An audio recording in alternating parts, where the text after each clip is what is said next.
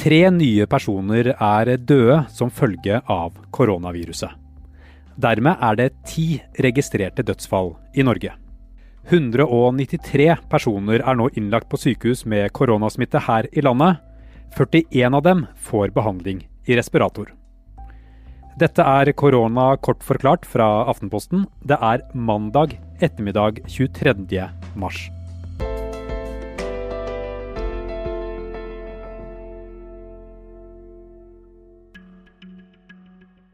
Helseminister Bent Høie sier til NRK at tiltakene for å bremse koronasmitten i Norge ikke oppdateres før tidligst tirsdag. Da vil det trolig også komme en beskjed om hvor lenge barnehagene og skolene vil være stengt fremover. Eh, det vil være nå helt i begynnelsen av uken vi er nødt til å ta den eh, beslutningen. Så sannsynligvis i morgen får en vite mer om det. I dag har en person fått en bot på 20 000 kroner av politiet for å bryte smittevernloven. Personen er bekreftet smittet av koronaviruset og fikk forelegg fordi vedkommende brøt lovpålagt isolasjon og oppsøkte en fest natt til søndag. Politiet har i helgen etterforsket saken og avhørt flere personer. Hvis boten ikke betales, risikerer vedkommende fengsel i 40 dager. Ut fra et smittevernfaglig ståsted vil de sterke tiltakene vi bruker i dag, pågå i noen måneder til. Det er eh, områdedirektør for smittevern i Folkehelseinstituttet, Geir Bukholm, som sier dette til forskning.no.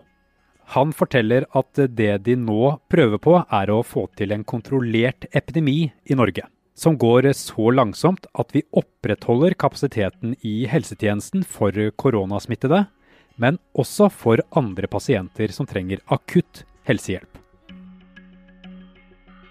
Fra fredag til søndag fikk Nav inn nesten 38 000 nye søknader om dagpenger. Totalt er det kommet inn over 220 000 søknader etter myndighetenes koronatiltak. De fleste av søknadene er knyttet til permitteringer. Fint vårvær førte til at veldig mange gikk på skogstur rundt om i Norge i helgen. Store folkemengder gjorde det vanskelig å opprettholde den anbefalte avstanden vi skal ha til hverandre. I helgen ble alkoholserveringen i Oslo stengt for å hindre videre smittefare.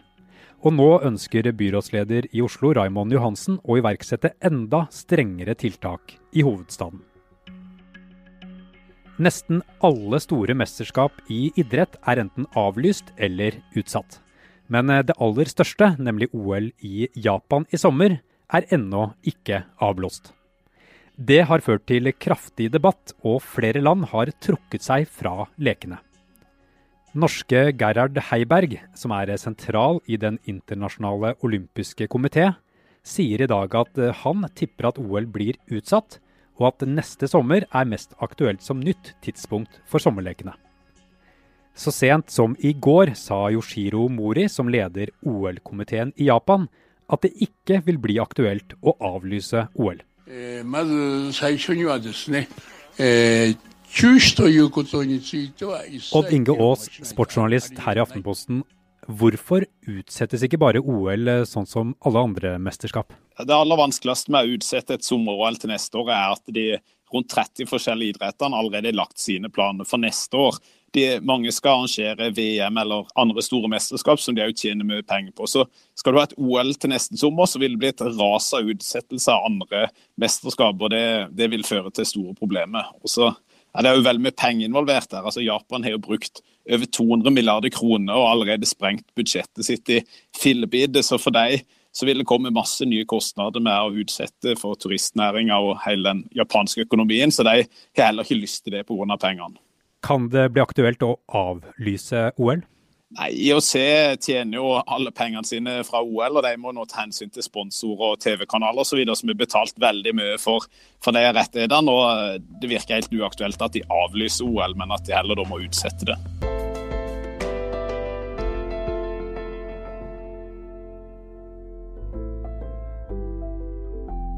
Det her var Korona kort forklart, som er en ekstraoppdatering hver ettermiddag om koronakrisen.